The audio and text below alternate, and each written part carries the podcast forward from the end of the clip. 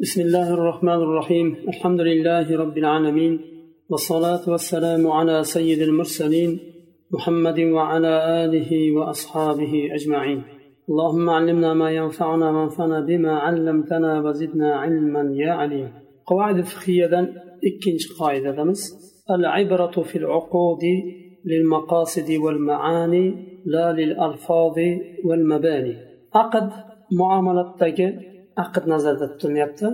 Aqdlarda mo'tabar bo'lgan narsa e'tiborga olinadigan narsa maqsadlar va ma'nolar e'tiborga olinadi. Lafz bilan maboniy emas. Lafz u so'zni bir lafzi. Mabani so'zni qurilishi. Masalan huruful maani deydi. Ma'noni ifoda qiladigan harflar.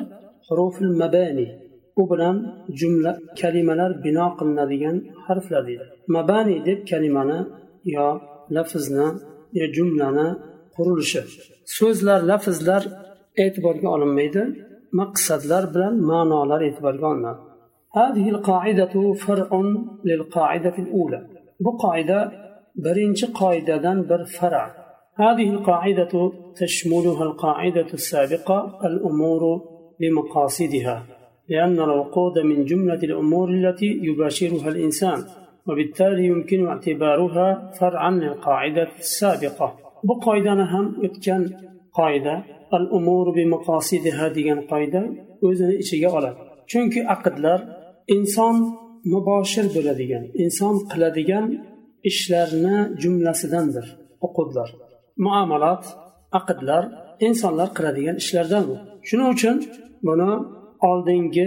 o'tgan qoidadan bir fara deydi sharh qoida qoidani sharhi قلنا إن الوقود من جملة الأمور التي يباشرها الإنسان وحيث إن المنظور إليه في ترتيب الأحكام على هذه الأمور هو ما قصدها فاعلها منها yuqorida biz aytdik aqdlar ham inson qiladigan ishlarni jumlasidandir dedik manzur ilayhi qariladigan narsa ya'ni u ahkomlarni o'rniga tushirish uchun ya'ni bir narsani hukmini berish uchun bu ishlarda qiluvchisi qilgan maqsadiga qaralinadi ya'ni qaraladigan narsa nima?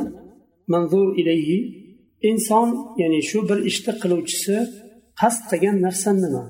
Sotmoqchi edimi uni? Yo hadya qilib bermoqchi edimi? Yo ijaraga bermoqchi edimi? Uni maqsadi nima edi? Qaralinadigan narsa shu. أي على مطلق المعاني التي تحتملها وإنما تترتب على المقاصد والمعاني الحقيقية التي يقصدها العاقدان من الألفاظ المستعملة في صيغة العقد. shuningdek aqdlarda hukm berishlik uchun lafzlarni o'zlariga qarab ya'ni o'zini olib turib hukm qilinadimi lafzni olib ya'ni mutlaqil maani allati tahtamiluha ehtimol bo'ladigan ma'nolarni mutloqini olib hukm qilinadimi? Ya'ni bu savdo sotiqmi yoki ijarami deb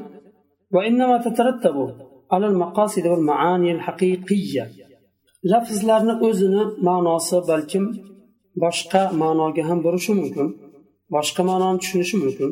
Masalan yuqorida o'tganda bir narsani men sizga sotaman deb mudori lafzi bilan aytdi lekin maqsadi hozir sotish.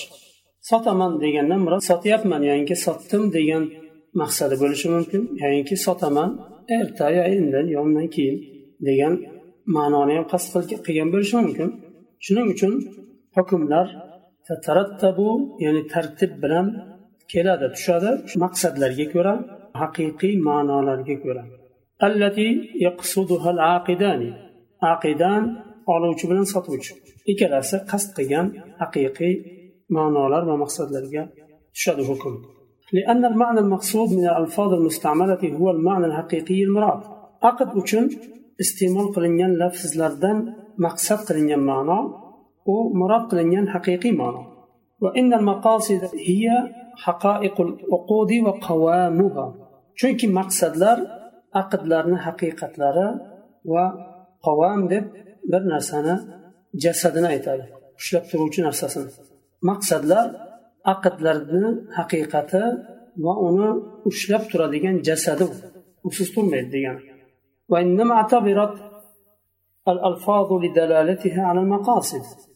Bo'lmasa nima uchun lafzlarni aytilindi agar maqsad qasd qilinadigan bo'lsa ya'niki e'tiborga olinadigan bo'lsa lafzlarni shu maqsadlarga dalolat qilishi uchun aytilinadi. Maqsadi sotish sotuvchi lafzlarni aytadi ta'bir qiladi sotish niyati borligini sotayotganligini lafzlar bilan ta'bir qiladi فإذا ظهر القصد وكان الاعتبار له وتقيد اللفظ به وترتب الحكم بناء عليه agar maqsad zohir bo'lsa u holda e'tibor shu maqsadga bo'ladi va bihi lafz shu bilan taqyid qilinadi qayd qilinadi shu bilan cheklanadi degani tuqayyadu degani va shu maqsadga ko'ra hukm beriladi أولا المعاني الظاهرة للألفاظ bu eng oldin rioya qilinadigan narsa lafzlar uchun bo'lgan qo'yilgan zohir ma'nolar rioya qilinadi e'tiborga olinadi وإذا تعذر الجمع بينها وبين المعاني التي قصدها العاقدان في عقدهما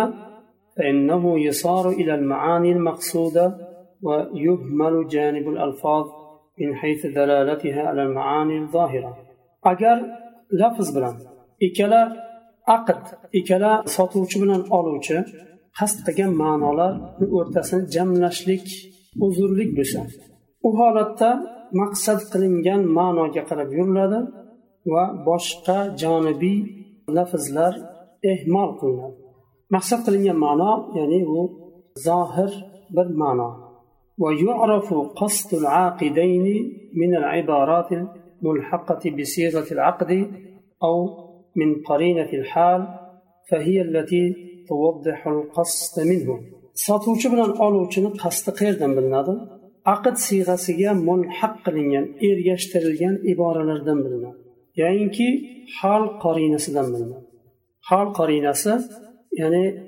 holatni nimaga dalolat qiladi?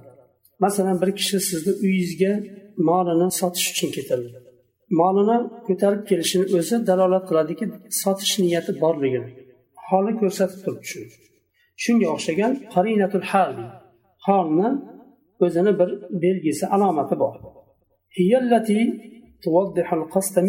mana shu qarinatul hal qasdini niyatini maqsadini bayon qiladi وعلى هذا لا بد من مناسبة بين الصيغة والمعنى المقصود shuning uchun siyg'a bilan sotdim yo oldim yo rozi bo'ldim degan aqdni siyg'alari bor shu siyg'a bilan maqsad qilingan ma'noni o'rtasida bir munosabat bo'lishi kerak حتى يمكن اعتبار العبارات اللاحقة بصيغة العقد موضحة ومبينة للقصد مناسبة بالشكركي حتى shu aqd siyg'asiga mulhaq qilingan ergashtirilgan iboralarni e'tiboriga olish mumkin bo'lishi uchun va qasdni maqsadini bayon qiladigan iboralarni e'tiborga olish mumkin bo'lishi uchun o'rtasida munosabat bo'lishi kerak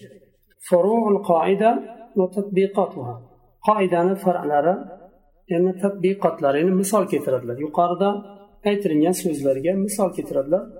Birinchisi al hibatu bayun. Hiba u hadya qilish. Bir kishi hadya qiladi lekin bir evaziga boshqa bir narsa berishi sharti bilan hadya qiladi.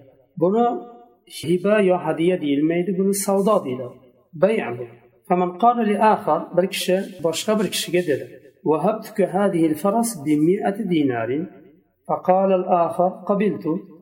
كان العقد بيعا وإن كانت الصيغة بلف الهبة.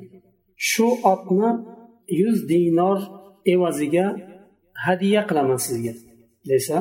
إكينش سهام قبلت قبل قلم دينا. بوينا هدية بل صبرنا دم يعني بو بيع صوضان هدية قمادا إوازيجا بالناس ترى قلش u savdoga aylantirdi bu aqdni. Ya'ni yuz dinorga sotdi degani. Agar siyg'a hiba lafzi bilan bo'lgan bo'lsa ham.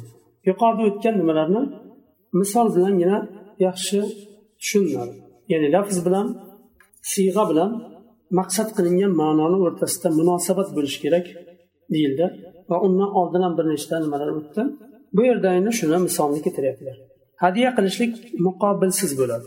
Otni hadya qilarkan muqobiliga bir narsa so'ramaydi. Sizga shuni hadya qildim deydi. Agar qabul qildim desa tamom mulk ko'chib o'tgan bo'ladi. Hadyada qabul qilishlik shart. Agar qabul qilmasa bu hadya qiluvchini mulkidan chiqmaydi. Ikkinchi misol al i'aratu bi shartil ijara. Iara deb bir kishiga bir narsani omonatga berish vaqtinchalik ishlatishga berish. Har qanday narsani vaqtinchalik olish mumkin. Uni iara deydi kitobni bir haftaga bir kunga yo bir oyga olib foydalanib qaytarib berishlik. Yoki shunday sayyora bo'lsin boshqa bir narsa bo'lsin ot olib bir muddat foydalanib qaytarishlik bir soat ikki soat yo bir kun ikki kun bir oy ikki oy farqi yo'q.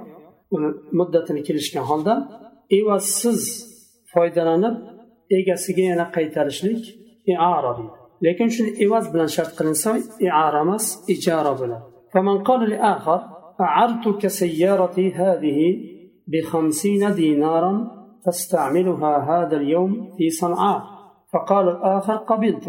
كان العقد إيجارا لا إعارة. ولو كان الإيجاب كان بلفظ الإعارة بركشة desa sayyoramni arabamni sizga ellik dinor evazida iora qildim uni bugun sanao shahrida ishlatishingiz mumkin deb izn berdi iora qildim deyapti iora badalsiz bo'ladi lekin bu yerda ellik dinor badali bilan sharti bilan iora qilib beraman deyapti va ikkinchi taraf ham aytdi qabiltu dedi. Qabul qildim bu holatda aqd ijor bo'ladi keraga olgan bo'ladi.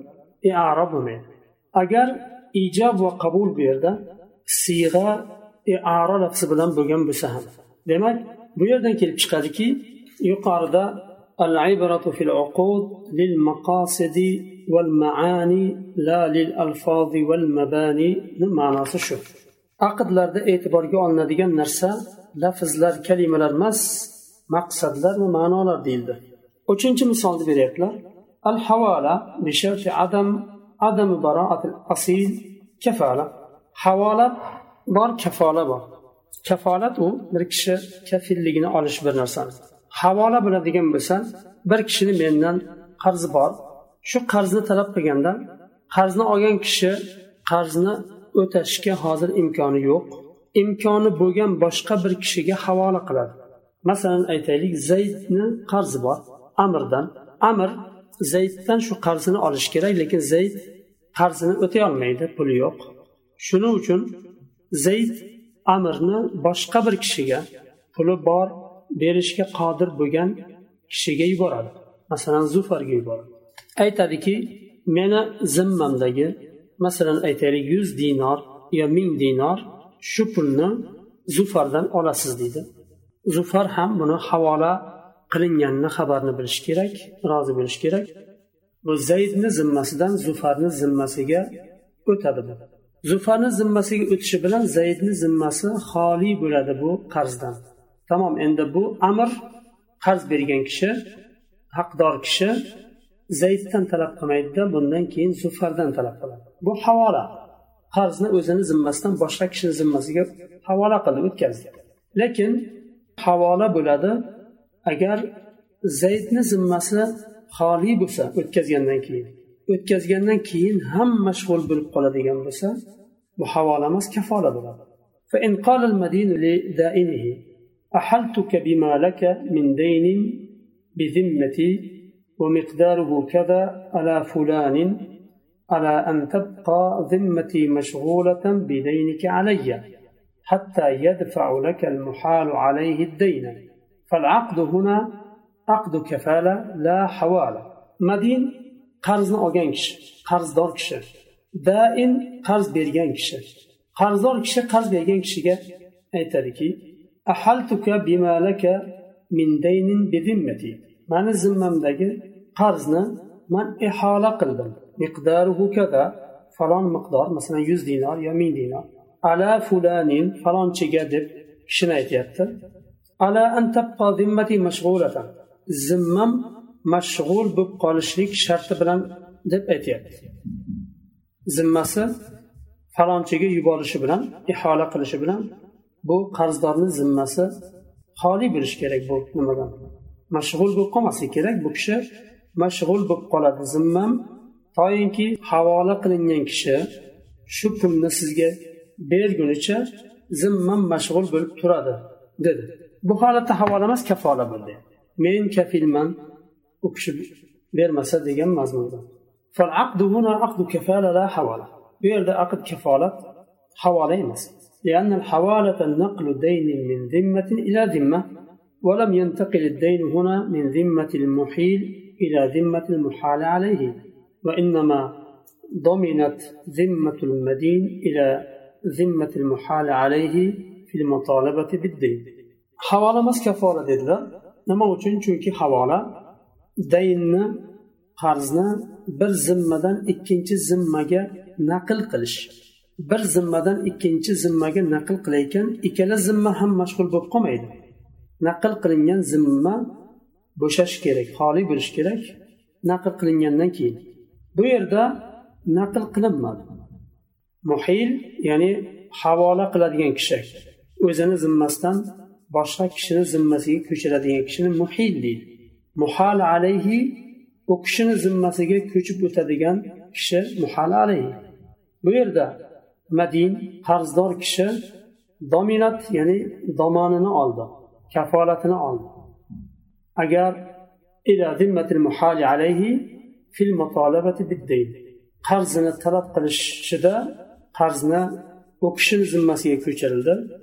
O'sha kishini zimmasidagi to qarzni olmaguncha bu kishi kafolatini oldi o'zi وهذا هو حقيقة الكفالة لأنها تعرف بأنها ضم ذمة إلى ذمة في المطالبة بالدين bu kafolatni haqiqati shu u havola emas kafola bu kafola bir zimmani ikkinchi zimmaga qo'shish qarzni talab qilishda masalan bir kishiga siz qarz bermoqchisiz boshqa bir kishi kafil bo'ldi bering men kafilman u degani meni ham zimmam shu kishini zimmasini yonida birga degani agar u kishi bermasa mendan olasiz degani u فليس فيها نقل دين من ذمة إلى ذمة بخلاف الحوالة kafolada bir zimmadan ikkinchi zimmaga ko'chirish emas ikkita zimmani bir vaqtda bir narsada